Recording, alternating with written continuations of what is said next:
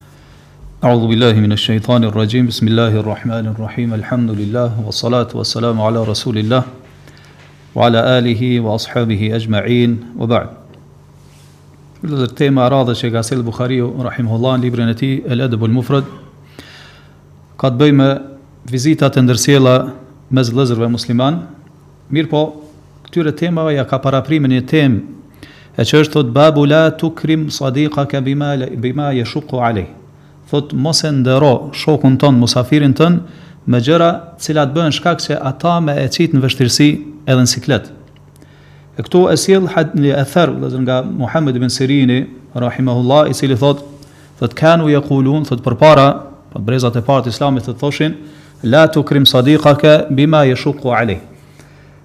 Kur vjen domethënë shoku në vizitë, ti mos e ndero në atë mënyrë që njëfarë mënyre i shkakton ashti atij vështirësi edhe e shtin atë në siklet. Pra nuk ndihet komod rahat që ka ardh me të vizitu ty. Tash vëllezër këtë temë pra Buhariu rahimahullah e ka sjell para disa temave Gjitha këto që do t'i marrim me lejen e Allahut kanë bëjnë me vizitën e ndërsjellë mes muslimanëve, vlerën që është transmetu për vizitën e ndërsjellë mes muslimanëve. Mirpo, i ka parapri vëllezër me këtë temë Buhariu, në mënyrë që me tregu se në origjinë vëllezër musafiri ai i cili të vjen në vizitë duhet të nderohet. Duhet të respektohet.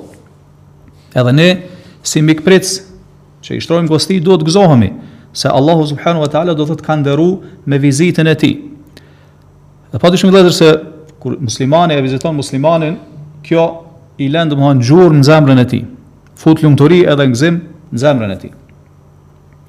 E këtu po e sjell pra Buhariu këtë temë, për me tregu se në origjinë pra kur vjen musafiri ti si zoti i shtëpisë apo si mikpritës, duhet me e nderu. Mirëpo, shikoni vëllezër, po e përmend këtu fjalën e brezave të parë të Islamit. Po thotë që me e nderu në atë mënyrë që ti do thotë mos me e tepru nderimin ndaj tij.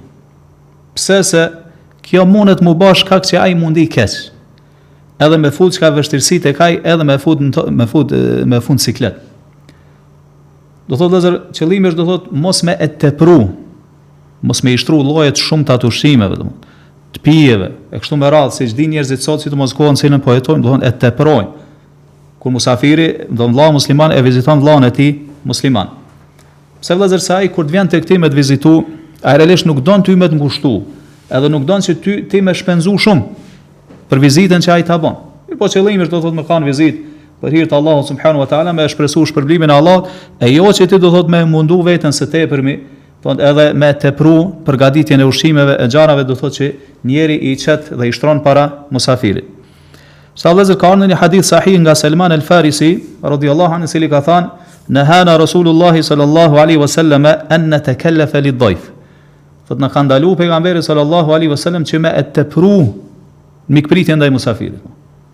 Që kjo është vëllezër, pra mos me e tepru në llojet e ushqimeve edhe gjanave që i shtrohen do thotë musafirit, mënyrë që pastaj ai mos m'u ndi keq, se në momentin që ai që të sheh që ti domethënë, po je në siklet, po je në shqetësim, po e tepron domethënë, atëherë ai edhe pse ka ardhë me të vizitu, ka m'u ndi keq, ka m'u ndi keq.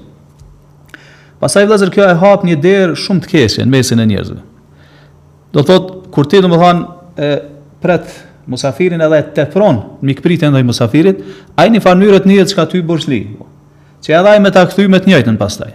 Edhe kështu shkon në mënyrë zinxhirore, edhe bëhen shpenzime të panevojshme, domethënë në shoqërinë e muslimanëve. Aq më tepër nëse domethënë ai është çka njeri i varfën. që ardhë me të vizitu tamam thonë, nuk i ka ndoshta ato kushtet që i ke ti, edhe ti tash e nderon së tepërmi, edhe në një farë mënyre pastaj ndihet si borxhli që me ta kthy me të njëjtën edhe s'munet me gjetë. Për atë arsye vëllezër gjithmonë, kemi thanë, çështjet më të mira janë çka mesataret. Domethënë, as teprimi, as shkujdesja, në çdo gjë duhet të jemi mesatar. E këtu po thotë Muhammed Ibn Sirin, thotë kanu jekulun, përpara thotë kanë thanë, kush kanë thanë, domethënë, dijetarët vëllezër, dijetarët e brezave të parë të muslimanëve, ata imamlarët e fesë,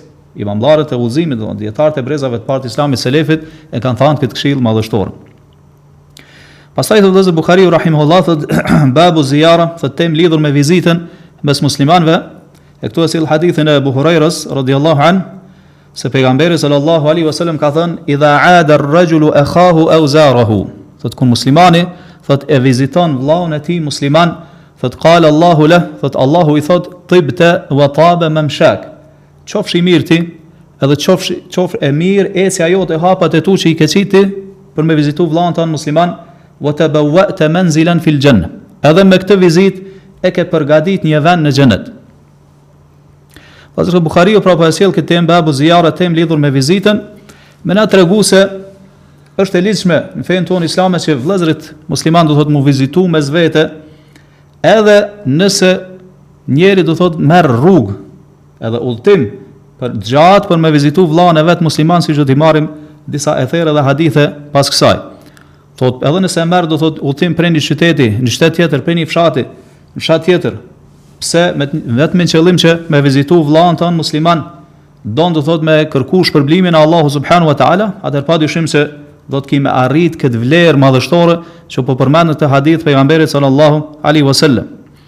Pra do të thotë këtë hadith pra pejgamberi alejhi selam po na tregon se vizita mes muslimanëve është diçka e dashur te Allahu subhanahu wa taala. Edhe pra ka shpërblim të madh. Pra na e dimë vëllazër se pejgamberi sallallahu alaihi wasallam do të thotë i ka vizituar shokët e tij, edhe vetë është vizituar nga shokët e vet. Edhe ka nxitë, do thotë që muslimanët mu vizitu mes vete.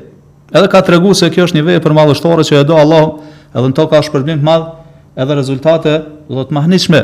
Sepse kjo bëhet shkak që do thotë mu forcu lidhja mes muslimanëve. Pra lidhja vëllazërore që ekziston mes muslimanëve mu bë hala më e fortë, edhe mu afru zemrat, ashtu siç afrohen trupat, edhe do thotë mu shtu dashuria mes muslimanëve të asaj shoqërie. Çka me thënë pejgamberi alejhi selam po thotë idha ada ar-rajulu akhahu aw zarahu. Çka ada është vizitë, mirëpo në arabisht kihet për qëllim vizita kur ai është njëri është i smut. Ndërsa ziara është kur e viziton njëri të shnoshin, do të thotë kur e viziton njërin e shëndosh, që nuk ka smuni, nuk ka ankesa. Të dyja ato po i përmend pejgamberi alejhi selam. Po me tregu llojllojshmëri, do thotë nëse ti e viziton do thotë vllahun tënd që është i smut.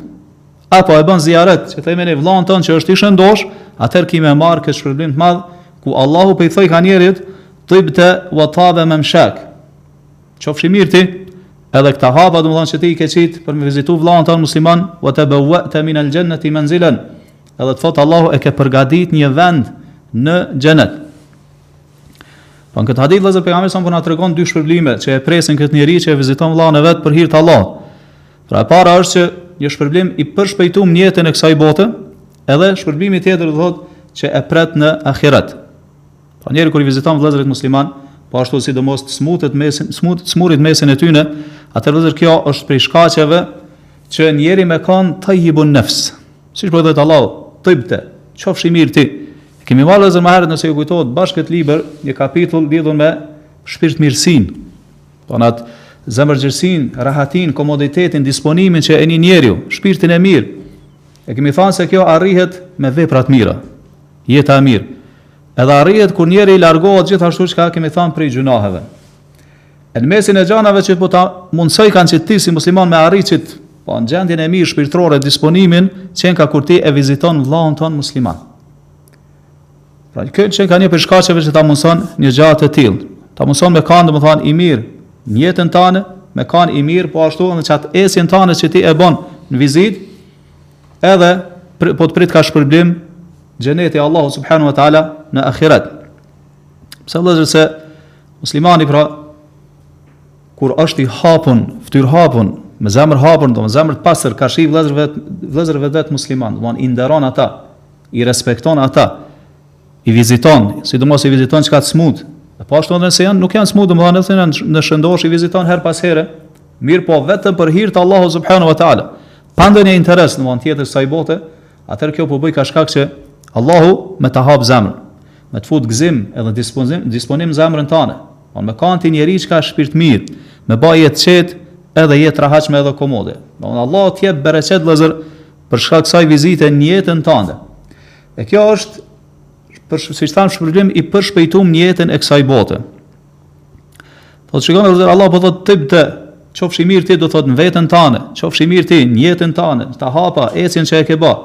Pse se është ecje e hajrit, ecje në cilën ka bereqet, ecje me cilën ti do thotë ke shkuar ke vizituar një vëlla musliman, e ke ngushlu, ndoshta edhe ju ke gjet kur është në hall apo diçka, edhe ja ke ngjit krahun e kështu me radhë. Po dhe kjo domthon është padyshim është dobi shumë e madhe. Që po ja mundësojka njerit me arrit qit shpirtmirësi që po përmendka pejgamberi salallahu alejhi ve selem në këtë hadith si fjalë të Allahu subhanahu wa taala. Padyshim vëllazër se kur njeri domthon është i mirë në jetën e vet. Është i mirë në veprat e veta, është i mirë në fjalë që i thot. Atër përfundimi i tij ka me kanë pa asnjë dyshim domthon xheneti, hyrja në xhenetin e Allahu subhanahu wa taala. Allahu përmend në Kur'an vëllazër kur Allahu e kur engjëjt ju drejtohen xhenetlive çka i thon selamu alejkum i përshëndetin me selam tibtum keni qenë të mirë shpirtmirë të pastër domethënë zemrat e juve, të juve në fjalët e juve në gjymtyrët e juve fadhuluha khalidin andaj tash hini n'xhenet përjetësisht domethënë në pa pa pa dal kurrë prej tij pa po, jetë të përhershme edhe të përjetshme Pastaj po i thotë Allahu wa tabawwa'ta manzilan fil janna. Edhe me këtë vizitë e ke përgatit një vend në xhenet. Domethënë e ke arrit me këtë vizitë që e ke ba për vëllain tan musliman për hir të Allahut, e ke arrit një vend në xhenet. Domethënë ke triumfu, e ke fitu një vend në xhenet te Allahu subhanahu wa taala.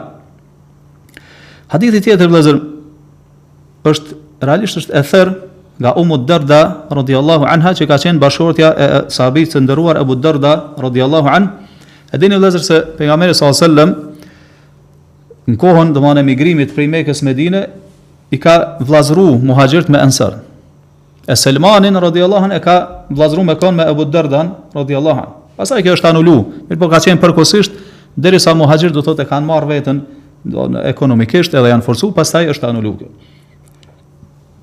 Tash shikoni vëllezër këta ka mbet kjo vllazëri mes tyre, edhe pse sahabit mas vdekjes pejgamberit sallallahu alajhi wasallam janë shpërndarë domthonë nëpër botë.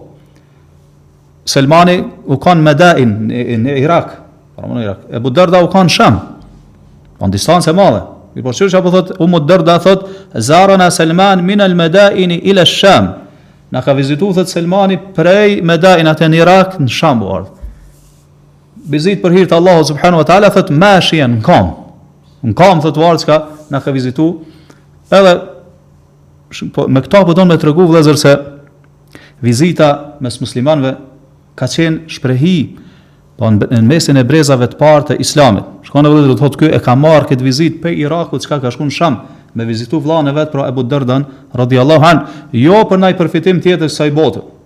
Mirëpo ka ardh domethënë vetëm për hir të Allahut subhanu wa ta'ala që me e dit domethënë halin e atij vllat të vet, qysh i ka punët, si është gjendja e tij,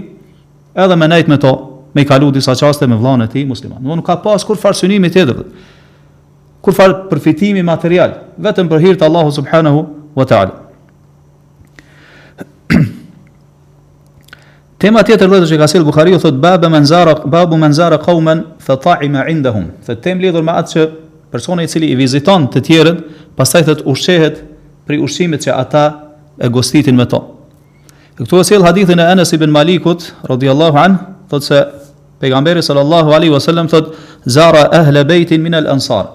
Thotë një ditë prej ditve thotë i ka vizitu disa anëtar të një shtëpie thotë nga nga fisi i ansarve në Medinë. Thotë fa ta'ima indahum ta'aman. Thotë edhe u ushqy prej ushqimit që ata me të cilën e gostitën ata pejgamberin sallallahu alaihi wasallam thot falamma kharaja e kur deshi thot me dal thot amara bi makanin min al bayt thot urdhroi që t'ia caktojnë një vend në shtëpi se kështu ka qenë traditë e pejgamberit sallallahu kur e ka thirr dikush atëhere ai çka është fal në shtëpinë e tina edhe çka është lut për atë person thot fa nudiha lahu ala bisat ja kanë treguar një vend ku m'u fal pejgamberi sallallahu thot edhe e kanë marrë një shtroj prej hasrave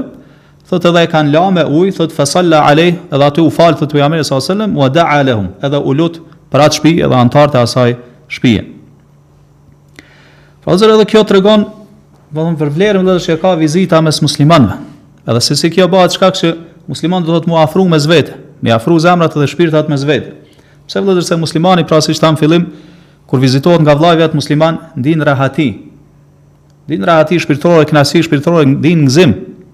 Edhe zakonisht domethënë kjo është kur njeri e viziton dikon çka i shtron çka ushqim.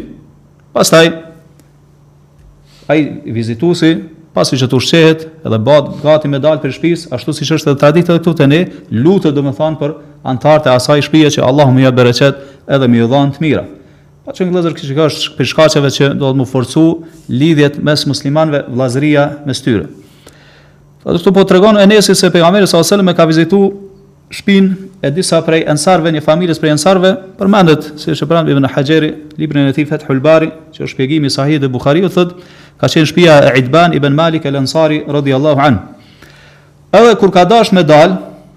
Bon, ka dasht mu falë me një vend caktum, ja kanë caktu venin, pastaj ja kanë pru një shtroj që ka qenë prej hasrave, mirëpo, ka disa transmitime që për shkak të uljeve shumë të shpeshta ajo është nxi.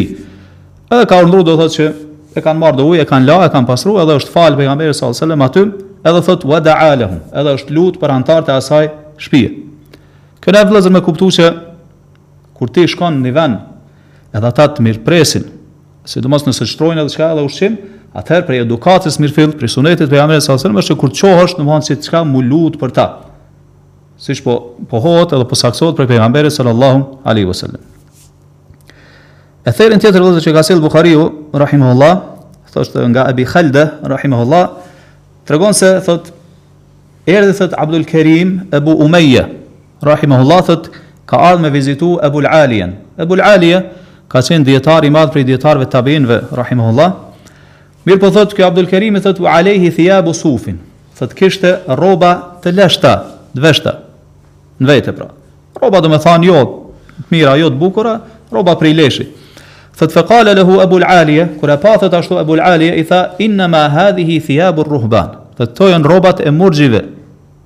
Murgjive domethanë në mesin e krishterëve. In kanel muslimuna idha tezaveru texhemmelu. Thotë muslimanët kanë vepru kështu, domethanë ka dash me thamë sahabët, se ky ka qenë tabiin. Thotë muslimanët kur e kanë vizitu njani tjetrin, thotë i kanë veshë rrobat ma të bukra. Po. Thonë janë zbukuru me rrobat, se kanë dash me shku në vizitë te vllai vet musliman.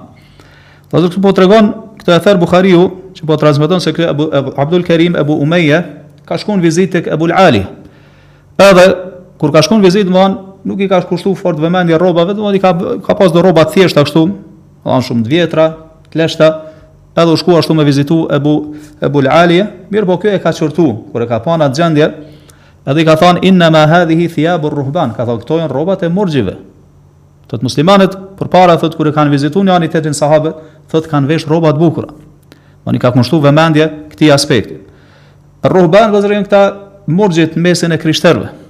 Domethanë të cilët zakonisht e dimë do thotë janë izolu prej njerëzve të tjerë, edhe kanë shpik adhurime, realisht vetë kjo murgjëria, do të thonë është e shpikme. Thot Allahu wa rahbaniyatan ibtada'uha ma katabnaha alayhim. Thot që murgjërinë që ata e kanë shpik thot Allah, kanë bë bidat. Në fe të Allahut thot ne nuk ja u kemi bë obligim.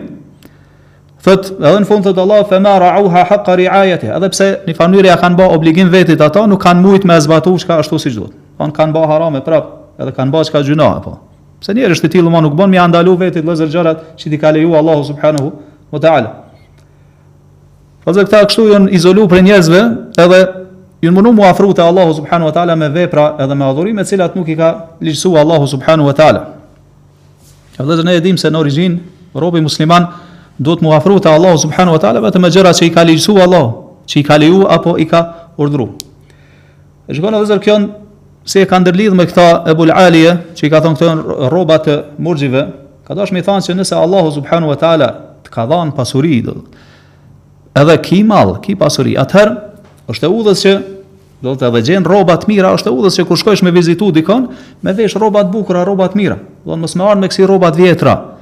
Me rroba do të thonë që janë shumë të vjetra apo që në cilat nuk janë të hijshme, nuk janë të mira kështu me i pa me sy. Ne dimë vëllezër se Allahu subhanahu wa taala kur t'i jep robit vet mall edhe pasuri, siç ka thënë pejgamberi sa don që me i pa gjurmët e nimetit tij tek ai. Këta e don Allahu subhanahu. Po nëse Allahu të ka dhënë pasuri, atëherë është mirë njeri mu vesh mirë. Po.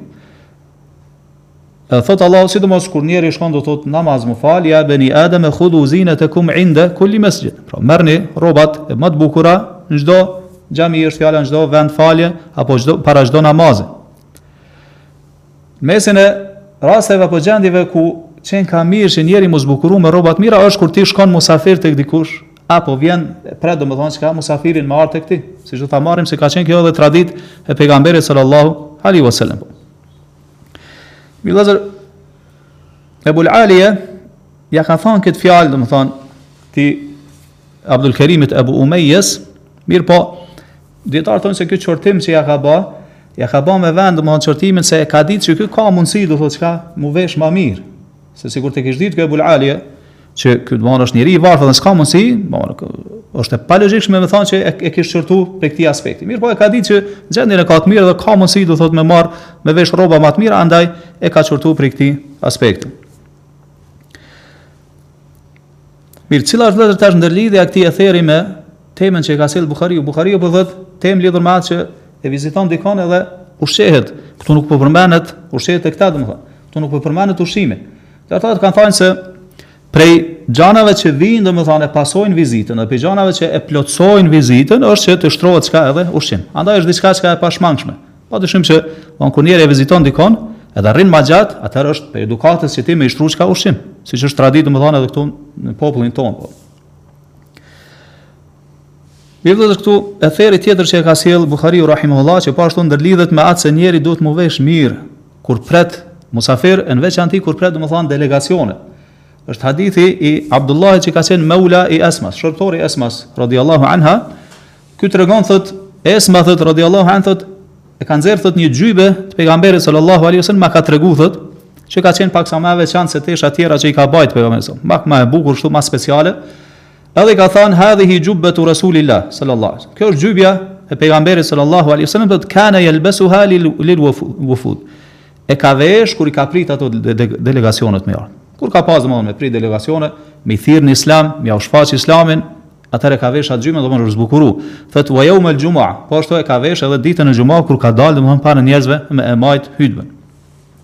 Edhe kjo vëllezër na jep me kuptu pra se njeri duhet m'u zbukuru do thot për musafirin. E morëm përpara etherin që kur shkon musafir po ashtu mirëpo edhe nëse pret musafir i zoti i shtëpisë, në veçanti musafirë nëse kanë pozitë t'madhe, siç janë delegacionet e kështu me radhë, atëherë është mirë e udhës edhe prej sunetit të pejgamberit s.a.v.s. që njeri m'i zbukuru rrobat e tij, domethënë mos me i prit me ato rroba çka të përditshme që i ban kah shtëpia.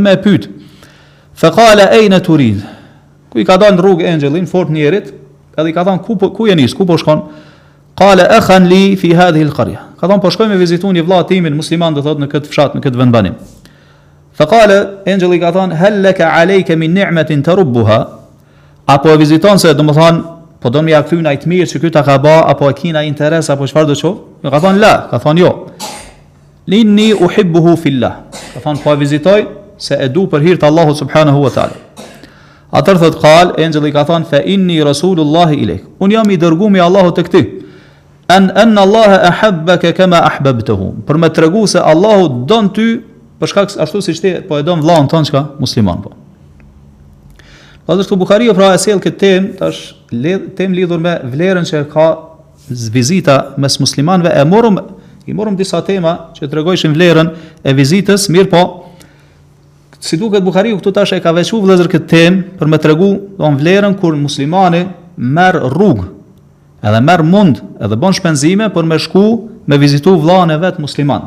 Domethënë çfarë shpërblimi e pret. E kjo është se ky person po arrika dashurinë e Allahut subhanahu wa taala. E këtu u ka tregu pejgamberi, sallallahu alaihi wasallam, këtë për këtë ngjarje që ka ndodhë ma herët, te popujt ma herët, muslimant ma herët, Po, thot se një njeri thot zara rajulun akhan lahu fi qarya. E ka vizituar një vëlla të vetin musliman është fjala thot. Në një vendbanim, po vëlla musliman don në fe, ukhuwatu din për vllazëria fetare. E kësaj do të thotë nëse i shtohet vllazërisë fetare, për shembull vllazëria e gjakut, bon është edhe vëllai joti, prej babë prej nënë. Apo domethonë është i afërmi yti, atëherë shpërblimi është çka hala më i madh. Bon se ti tash po bën vizitë edhe po i mban çka lidhjet farifisnore.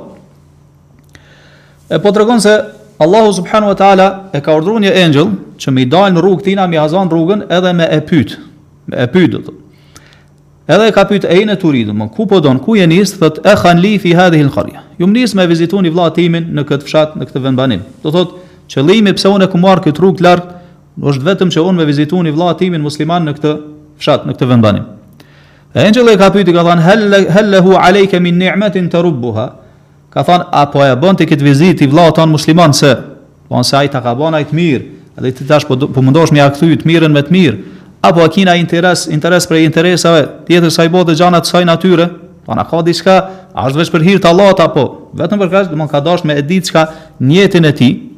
E kjo vëllazë na jep me kuptuar do thotë se Çfarë pozite të madhe në fenë tonë, do të thotë ka sinqeriteti vëllazë. Don kur njeri me veprat e tij nuk dëshiron kurrgjë prej njerëzve, mirëpo i bën veç për hatër të Allahut subhanahu wa taala. Don veprën e ka vëllazë çka të pastër, e ka të kullume. Kërkush nuk përveç Allahut çka nuk ka hise në atë vepër. Don e bën veç për Allahun subhanahu wa taala. Edhe ky person pra i ka tregu, i ka tregu se vetëm për për hir të Allahut po e bën, domthonë po shpreson shpërblimin e Allahut edhe se e don për hir të Allahut atë person. Jo për diçka prej përfitimeve të jetës së kësaj bote. E kur njeri vëllazër është i tillë, padyshim që Allahu subhanahu wa taala t'jep bereqet t'madh në atë vepër vëllazër. Siç po e vrem këtu, edhe nëse është e pakt. Pse vëllazër krejt puna kthehet te nijeti te zemra. Nëse nijeti është i pastër, nëse është për hir të Allahut subhanahu wa taala, Ai ta rrit veprën, ta shumëfishon veprën, ta zhvillon don të jep bereqet Allahu në atë vepër edhe nëse është e paktë. Edhe të kundërtën. Don nëse veprat janë t'shumëta, mirëpo pa sinqeritet, pa nijet të mirë, don në to nuk ka bereqet, nuk ka në to hajr. Pra vëllazër vepra pra rritet, shumëfishohet, edhe bëhet më e madhe te Allahu subhanahu wa taala. Shpërblimi për të është më i madh te Allahu nëse e bën për hir të Allahut subhanahu wa taala. Don sa më i sinqertë të jetë nijeti. Mirë vëllezër atëherë cila qenka pra arsyeja pse ky e paska vizitu këtë vllanë vet musliman i ka thënë këtij engjëllit inni uhibbuhu fillah. Ky nuk e ka ditë me kanë është tu bisedu, ka menu një njeri i rëndomtë. Ka thënë po e vizitoj se unë e du për hir të Allahut subhanahu wa taala. Vetëm për kaq, don nuk ka kurrfarë arsye tjetër që më ka nxit mua me marr këtë rrugë larg, edhe që më ka shti n'lëvizje që unë me ardh me vizitu veç se e du për hir të Allahut subhanahu wa taala. Atëherë ky engjëll i ka thënë fa inni rasulullah ilayk. Atëherë dije pra se un jam i dërgum i Allahut tek ti, pra engjëll anna Allah ahabbaka kama ahbabtahu për me tregu se Allahu don ty ashtu siç ti e don këtë vëlla tanë musliman. Dhe se na ka tregu pejgamberi sa ndër këtë ngjarje, me na tregu se ky gjykim mbetet edhe tek ne musliman tek domthon te umeti i tij, edhe ka me mbet domthon deri në ditën e kiametit. Për çata na ka përmendur këtë tregim? Me na tregu se Më na këshillu, domthon se shpërblimi do të mbetet i kësaj në umetin e tij deri në ditën e Kiametit. Domthon kushdo që e viziton dikon për hir të Allahut subhanahu wa taala, pa asnjë domthon interes tjetër kësaj bote, atëherë kome arrit dashurinë e Allahut subhanahu wa taala. Shkon domthon merr rrugë të lartë, edhe ja troket derën vllaut ton musliman, Pa kurfar interesi tjetër kësaj bote vetëm don me vizitu për hir të Allahut se e don për hir të Allahut, është vllai yt musliman, atëherë Allahu po t'dojka për këtë veprim. Këta vëllezër kanë thënë dijetarët nuk është e rëndësishme a po e don ti Allahun, mirëpo ajo çfarë është e rëndësishme se a po t'don ty Allahu subhanahu wa taala. Po kur t'don ty Allahu subhanahu wa taala don kjo është shenjë se ti ke arrit gradë shumë të madhe. Ja, ne e dim vëllezër se kur Allahu t'don, kur ti je musliman i mirë, më kur e ki zemrën e pastër, Kur veprat i bën për hir të Allahut subhanahu wa taala. E ky hadith vëllezër po na tregon të thotë se çfarë vlere ka në Islam dashuria mes muslimanëve kur është e sinqertë, kur është e pastër, domethënë pa interesa, kur është për hir të Allahut subhanahu wa taala. Çfarë ka ardhur në hadith se Allahu ditën e Kiametit thret edhe thot ejne el mutahabun bi jalali ku janë ata që janë dashur për hir të madhështisë time për hir time pra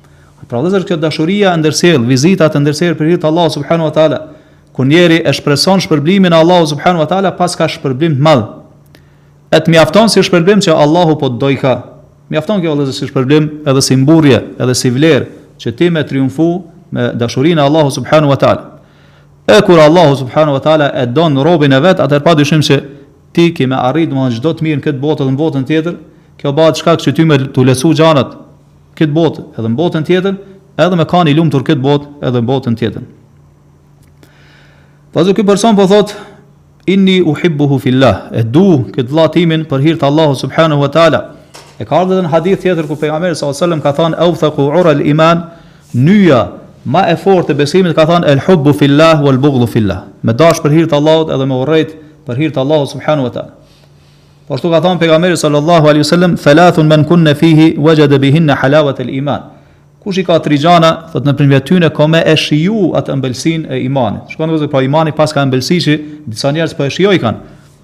E prej këtyre gjanave është, thot, men kanë Allahu wa Rasuluhu ehabbe ilejhi mimma siwahuma. Kur njeri e don Allahun, edhe pejgamerin sa sëllë, ma shumë se çdo kand tjetër.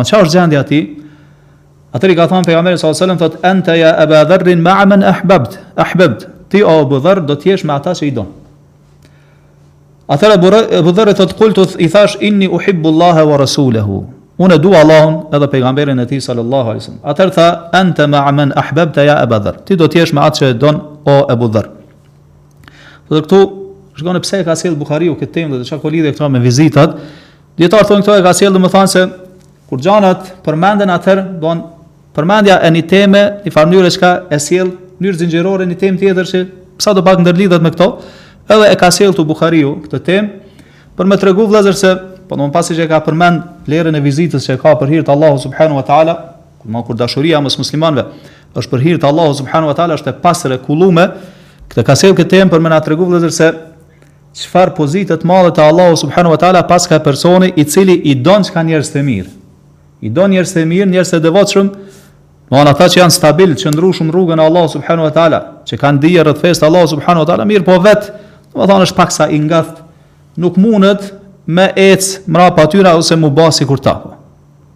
Mirëpo, po do me tregu se kjo dashuria vëllazër ndaj tyre paska pozitë t'madhe te Allahu subhanahu wa taala. Do të ky person vëllazër pra qenka i tillë që i don njerëzit e mirë, Njerëz të devotshëm, që e kanë frikë Allahun, që kanë dije për fenë e Allahut, mirëpo vet nuk mundet me kanë sikur ta. Qoftë n'dije, qoftë në adhurim, qoftë në anë qëndrueshmëri n'fenë e Allahut subhanahu wa taala. Andaj edhe për këtë paska shpërblim vëllezër. Shpërblim të madh. Po i thot pejgamberi sallallahu alajhi wasallam Abu Dharrit anta ma'a man ahbabt. Ti do të jesh me ata që i do.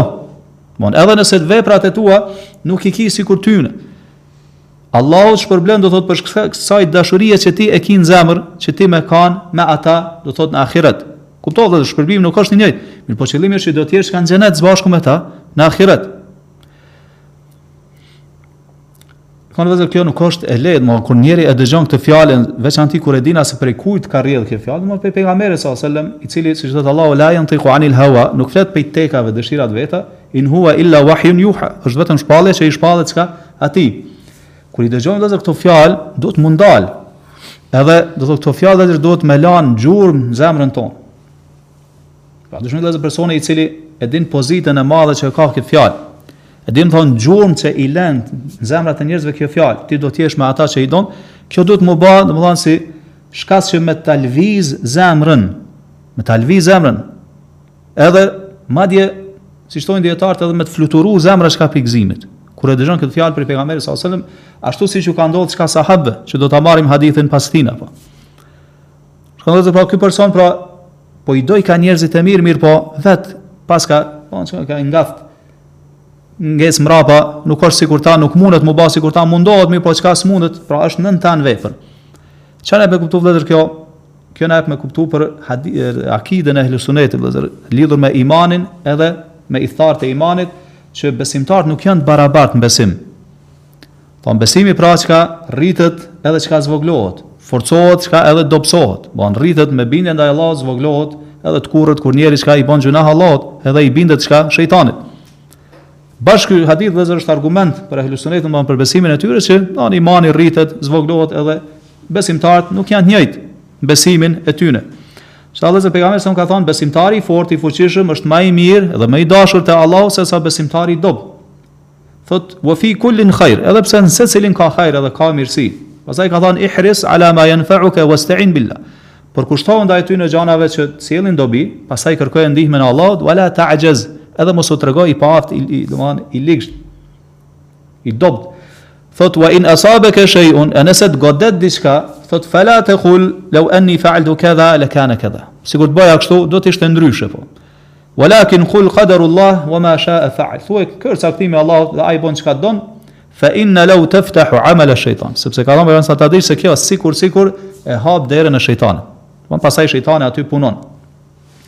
Po ashtu dhe ajo që tregon se imani dallon, është edhe fjala e pejgamberit sa kur ka lidhur me ndryshimin e të keqes.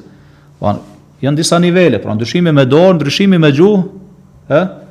Edhe në fund çka është me urrejt çka, me zemër po. Mirëpo ka thënë wadhalika adhafu al-iman, ky është besimi më i dobët. Po ashtu ajeti ku Allahu tregon për muslimanët, edhe besimtarët thotë feminhum zalimun li nafsi. Ka në mesin e tyre që i bëjnë padrejtësi vetes.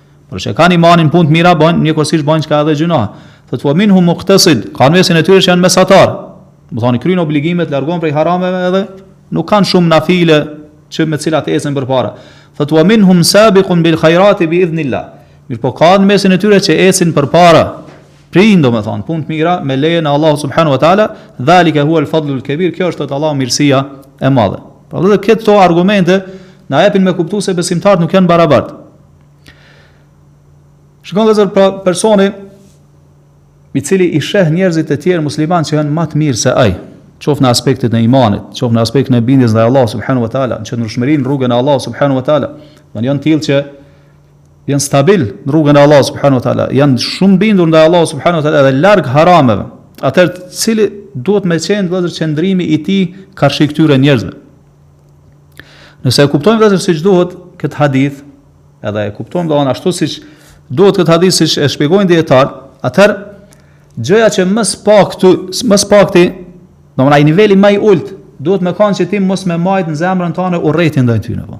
Çka është më e pakta? Po përderisa ti në veten tane s'koke njeri i mirë, Në atë aspektin që s'po munesh me ba pun të mira sikur ata, atëherë s'paku çka mos i urrej çka njerëzit e mirë. Mirëpo çka duj njerëzit e mirë.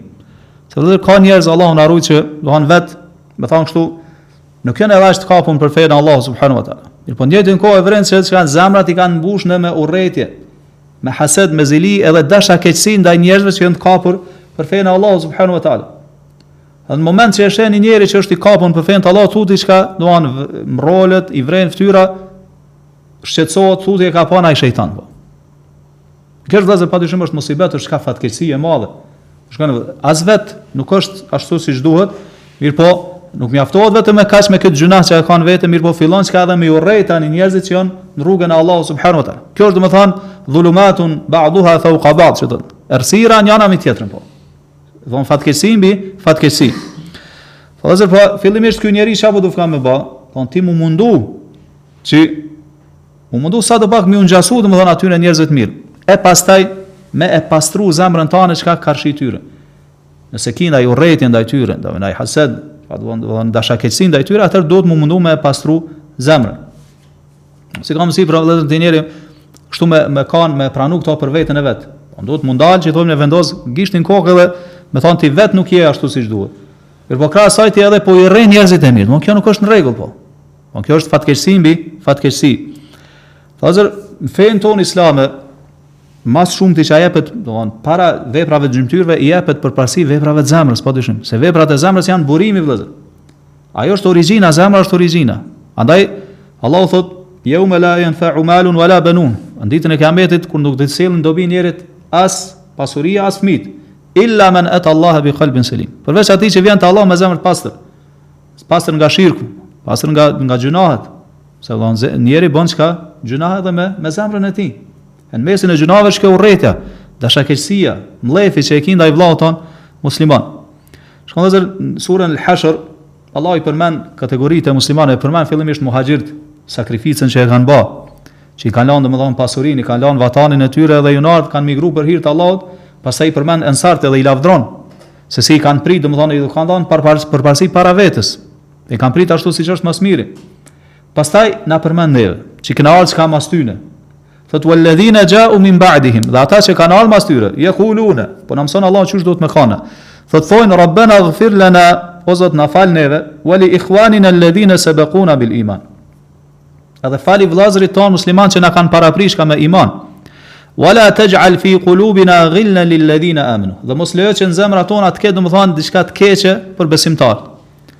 Rabbena inneke raufun rahim. Sepse ti o Zoti ynë je, je shumë i butë edhe je shumë i mëshirshëm. Vëllazër kjo me na tregu se kur njeri e arrin këtë pastërtinë e zemrës, domethënë arrin domethënë me pastru zemrën e vet nga këto domethënë smundjet e zemrës, atëherë ka arrit pozitë të madhe te Allahu subhanahu wa taala, Mirëpo nuk duhet mu ndal vetëm me kaq, duhet hala me avancu, edhe me fillu me i dash domethënë njerëzit e mirë. Njerëzit që janë kapur për fenë e Allahut subhanahu wa taala, për hir të Allahut. Me i dash ata, jo për naj interes, po me e dash se është njeri i mirë. Se kur e sheh domethënë se si thotë pejgamberi se njerëzit më të mirë janë ata që kur i sheh ta kujtojnë Allahun subhanahu wa taala. Për këtë arsye domethënë çka e don. E mbush domethënë zemrën me dashuri ndaj tyre. Pa dyshim vllazër pra se shpërblimi i qenka i madh. Nëse Allah të nderon që ti me pas zemër të pastër ndaj muslimanëve të mirë e devotshëm, atëherë po e arritshe ose po ju bashkangjitshe atyre edhe nëse veprat nuk i ki sikur ata. Siç po tregon pejgamberi, sallallahu alaihi wasallam, e kjo vllazër me kuptu, me kuptu se dashuria, që është domethënë si vepër e zemrës, paska pra, rezultate madhështore për njerin n'këtë botë edhe në botën tjetër. Hadithi tjetër vllazër i ngjajshëm me këta,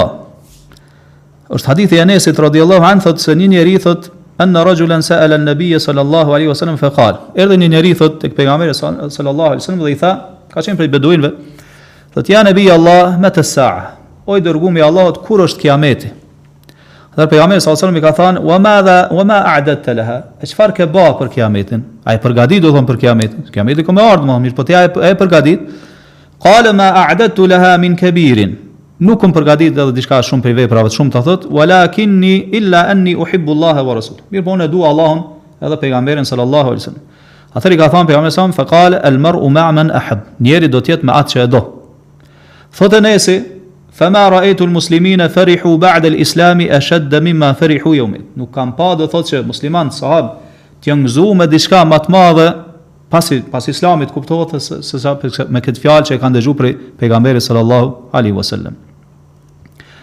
Po shikoni edhe ky njeri ka ardhur tek pejgamberi sallallahu alaihi wasallam edhe po e pyet kur është kiameti. Mirëpo shikoni tash përgjigjen e pejgamberit sallallahu alaihi wasallam. Shikoni vetëm përgjigjen e njerit të urtë, që Allah do thotë i ka dhënë dije, dije të madhe.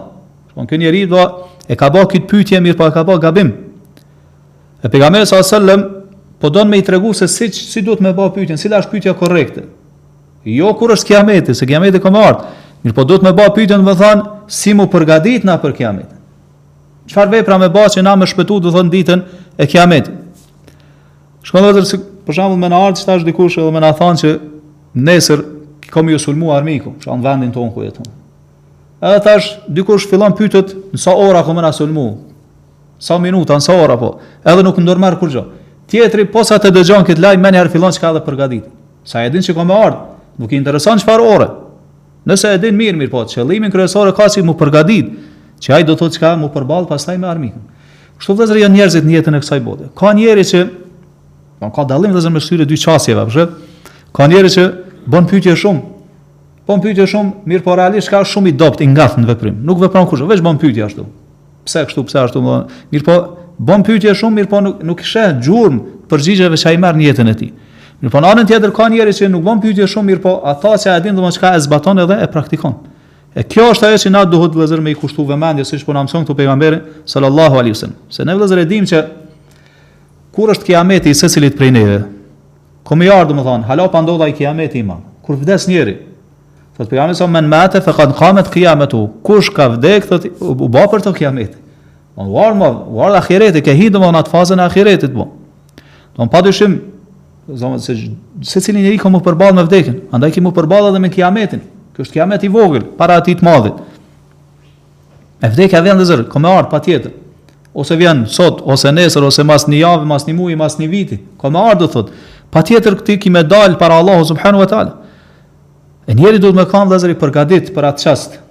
Sa ka pas prej brezave të parë të islamit kur e kanë livduar ndokënd prej tyre thot nëse e kishe thënë për to që meleku i vdekjes ka ardhur me ta marr shpirtin është te dera thot s'kish mujt ma çka me shtu prej punëve të mira se u kanë n'gjendje gatishmërie u kanë n'gjendje gatishmërie dhe e ka prit vdekjen e ne çfarë shohim gjendjen tonë sa vëllezër me përjashtim të atyre që i ka mëshiruar Allahu domethënë e vërejmë se sa lëshime kemi karshi obligimeve të Allahut karshi harameve do Edhe prapë se prapë domethonë çka mbaj mendim mirë për Allahun subhanahu wa taala, me thanë i fal një shpresë të kot. Mirë po pa e marr mundin edhe pa ecë përpara me punë të mira pa u largu prej harameve.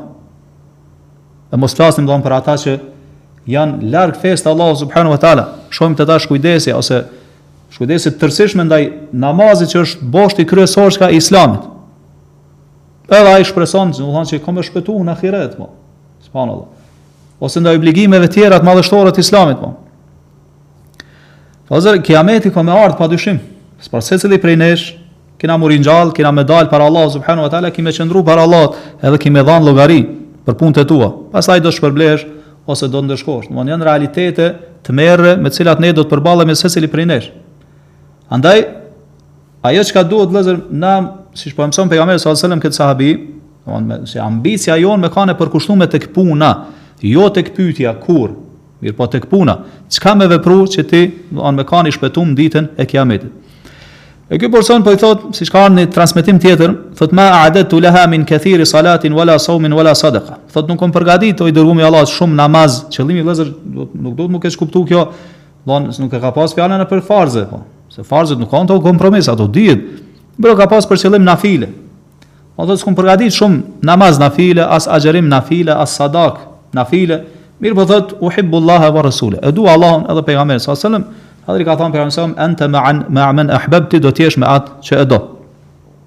Ka një version tjetër tek Muslimi ka thënë ma a'dadtu laha min kathirin ahmadu alayhi nafsi.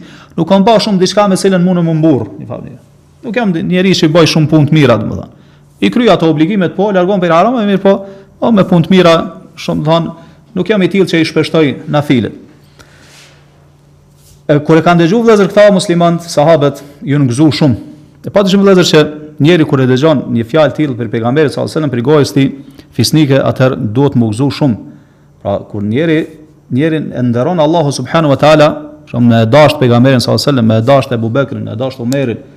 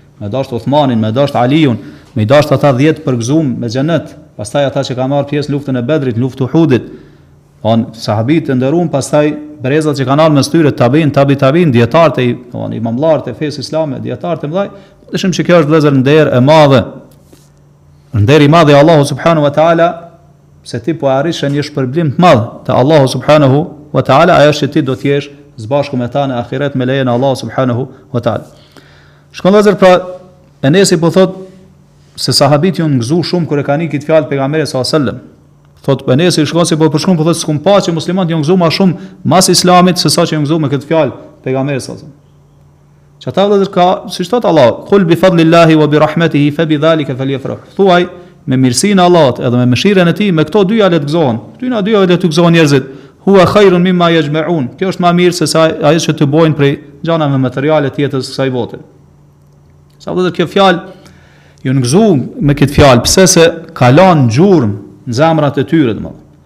E shikoni, ne sot e dëgjojmë këtë fjalë, dhe fakt, nuk e lviz fort zemrën e zemrat e njerëzve muslimanëve sot me përjashtim të atyre që i mëshiron Allahu. Pse vëllazër se ku kthehet kjo? Kthehet domethënë te gafleti jonë që na ka ka vëllazër. Shkujdesja jonë karshi fesë t'Allahut subhanu wa ta'ala edhe ende nuk jemi domethanë vigilent me kuptu se çfarë kuptimi madhështor e ka kjo. Se kjo po ndërlidhet domethënë me shpëtimin tonë çka në ahiret po. Shikoni vllazër, Enesi, kur e ka dëgju këtë fjalë, thot, unë thot, e du pejgamberin, sallallahu alajhi wasallam, ka thonë, e du Ebu Bekrin, e du Umerin, thot, dhe shpresoj që Allahu, ka me m'ba bashkë me ta në xhenet, edhe pse unë s'kom ba punë sikur ata, po.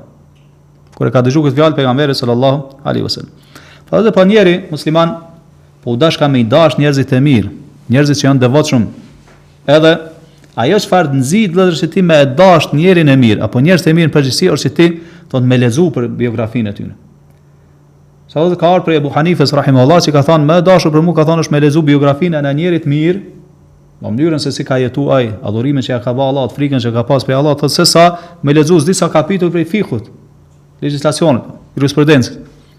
Se kjo domethonë çka e largon atë ndryshkun prej zemrave të njerëzve, ta pastron zemrën, edhe përfiton shumë, se si ti m'u përballë domethonë me gjana që të rrethojnë në jetën e kësaj botë. N'anë tjetër, kur e lexojmë domethonë biografinë e tyre, kjo ta lviz zemrën që ti patjetër ki me i dashtë ata njerëz. Shkon e vëren se fatkeqësisht sot që i ka ka musliman, sidomos të rijtë e muslimanve. Kend e dojnë sot të rijtë e muslimanve. I dojnë domthon këngtarët, aktorët, domthon futbollerat, i dojnë shumë, domthon kategoritë e njerëzve, domthon që janë prej kategorive ma të ulëta në shoqni, po. Që thrasin domthon drejt shfrenimit, degjenerimit. Mirëpo e sheh se e don ato.